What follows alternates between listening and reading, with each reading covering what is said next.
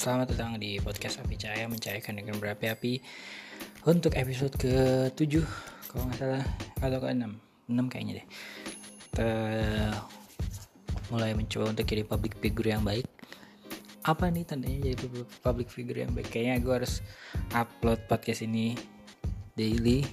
Jadi ini mungkin salah satu tes gue untuk uh, seberapa kuat gue endure dengan tekanan untuk upload podcast setiap hari. Ya kayak gitu pokoknya. Jadi setiap hari harus ada yang bikin di upload. Jadi kayak gitu. Uh, untuk episode ini jadi kalau kalian pernah tahu kalau kalian pernah dengar tentang COP24 di Katowice Polandia jadi itu adalah KTT tentang bencana alam KTT tentang climate change. Sorry bukan bencana alam. Uh, dia ngebahas tentang uh, perjanjian di Prancis yang kemarin yang tahun sebelumnya. E, gimana sih udah udah sampai mana tahapnya? Apa tadi udah dikurangin? Katanya sih ada perbaruan dari dari untuk menjaga eh apa ya suhu bumi temperatur bumi dari 20 derajat jadi ke hanya 1,5 derajat aja. Jadi kayak gitu. Jadi ada yang harus dikurangi lah kayak gitu. Terus juga gue mendukung banget nih karena gue lagi di Bogor. Sekarang gue lagi mendukung uh, Bogor ternyata dari per 1 Desember kalau nggak salah dia ngeluarin peraturan terbaru peraturan daerah tentang pelarangan kantong plastik di pasar dan swalayan modern kayak gitu. Jadi kemarin gue juga pernah uh, kemarin gue beli ke Alfamart gue jajan ternyata nggak disediain udah nggak disediain plastik lagi kayak gitu. Jadi uh, lumayan kaget dengan hal itu tapi semoga untuk ke depannya gue bisa beradaptasi kayak gitu aja. Kalau kalian juga punya masalah tentang uh, plastik ya kalian emang harus kurang-kurangi lah sejak saat ini kayak gitu.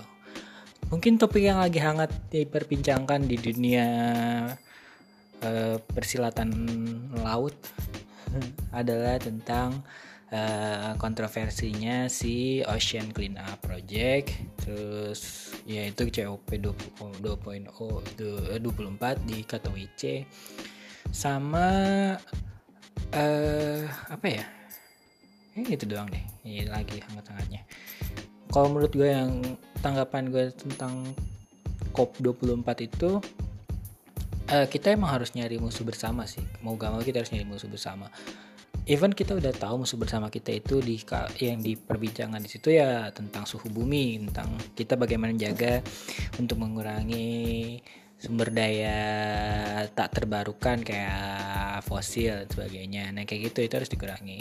Tapi emang uh, di Katowice-nya sendiri di Polandia sendiri tuh uh, mereka tuh menggunakan batu bara lah kayak gitu lagi-lagi rame-ramenya pakai batu bara.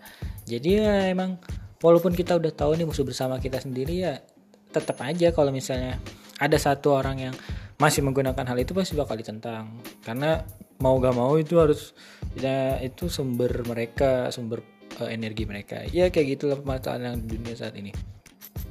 Ya seperti yang udah gue jelasin di episode sebelumnya kayak uh, konferensi-konferensi kayak gitu tuh kalau mengundang negara-negara tuh selama tidak ada satu komando yang tinggi nggak nggak maksudnya ya kalau kesadarannya udah bisa bareng-bareng yang mana hal itu ya mustahil akan terjadi menurut gue kalau misalnya satu orang kalau misalnya dunia udah bersatu satu kayaknya nggak mungkin.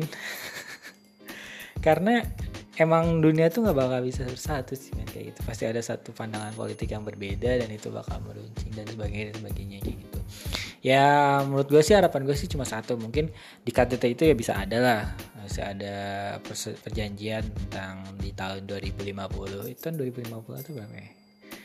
Uh, ya pokoknya 2030 2030 kalau nggak salah. Pokoknya uh, maksimal kenaikan suhu bumi itu 1,5 derajat. Terus sekarang berapa ya suhu bumi? Kalau nggak salah di bentar, bentar gue cek dulu. Suhu bumi sekarang sekitar sekitar berapa ya? Suhu bumi. Ini gue lagi suhu bumi 2018 sebentar lagi tahun baru tahun 2019 semoga bisa tercapai. Gimana resolusinya? Resolusinya aman? Enggak ya? Nah tuh mana sih?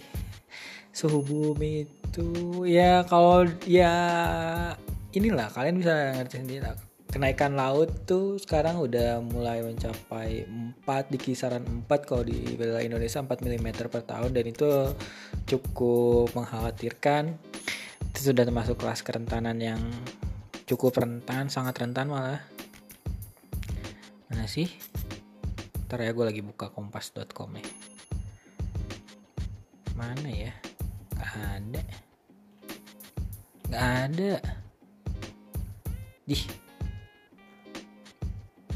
ya intinya kalau kalian intinya gitulah pokoknya. Kalau pokoknya lagi ngejahat suhu bumi biar nggak naik 1,5 derajat. Karena ada bakal ada uh, apa ya satu, satu derajat celcius naik aja itu udah udah bikin bencana alam yang banyak lah. Kayak suhu bumi mulai eh suhu bumi. Kayak es di kutub udah mulai mencair terus ya efeknya ke mana-mana sih. Es kutub mencair terus berarti volume air di laut semakin tinggi terus nanti bakal menenggelamkan pulau-pulau. Ya benua-benua kalau sampai terlalu lama didiamkan kayak gitu. Makanya di stop udah nih stop ya kayak gitulah. Kalau kalian ikutin twitternya eh, IPCC itu tuh dia ngebahas tentang KTT-nya dia ya pokoknya perdebatannya hanya masalah itulah kayak gitu. Kayak ada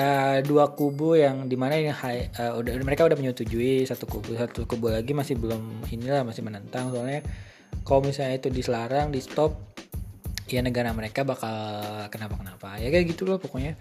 Senapas konferensi ini tuh selalu seperti itu. Ya itulah fungsinya bertemu untuk bersama menyelesaikan sebuah masalah. Tapi menurut gua kalau KTT internasional itu bukan nyari mufakat ya cuma nyari ya siapa yang menang siapa kubu yang menang siapa kubu yang kalah.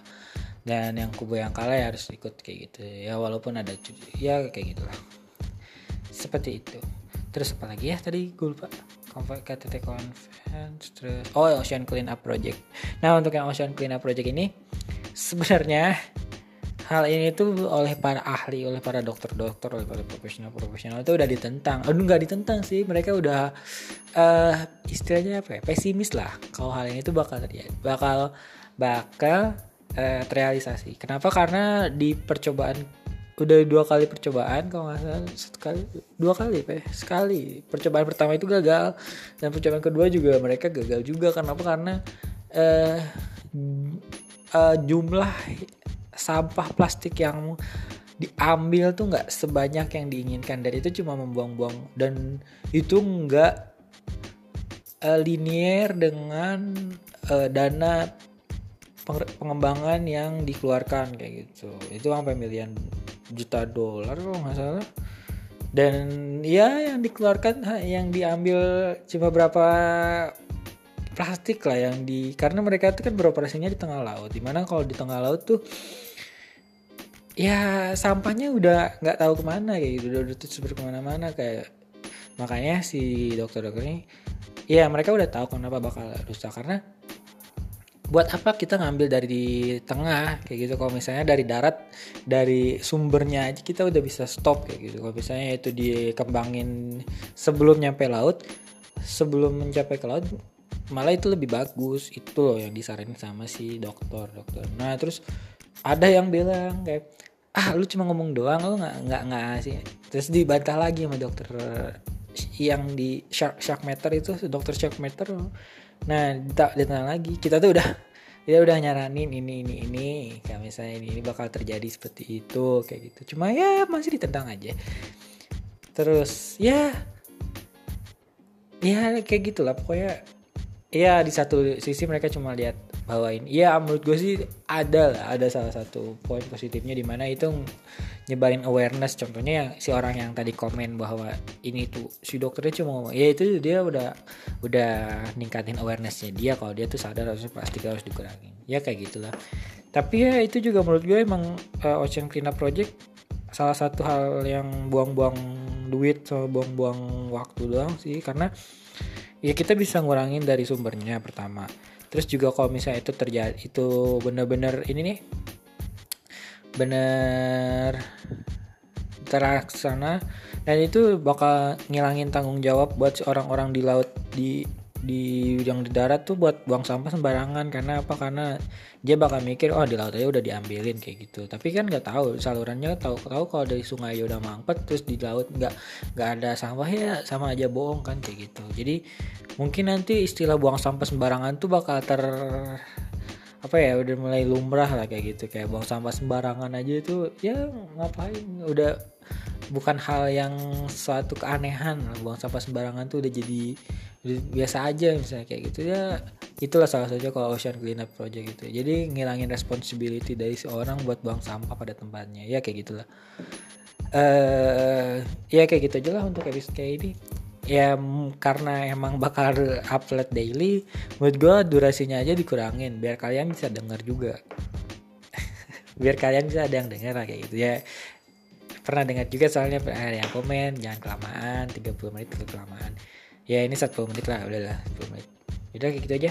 Semoga besok gue ada topik baru. Oke terima kasih buat ngedengerin podcast api cahaya. Mencairkan dengan berapi-api yoi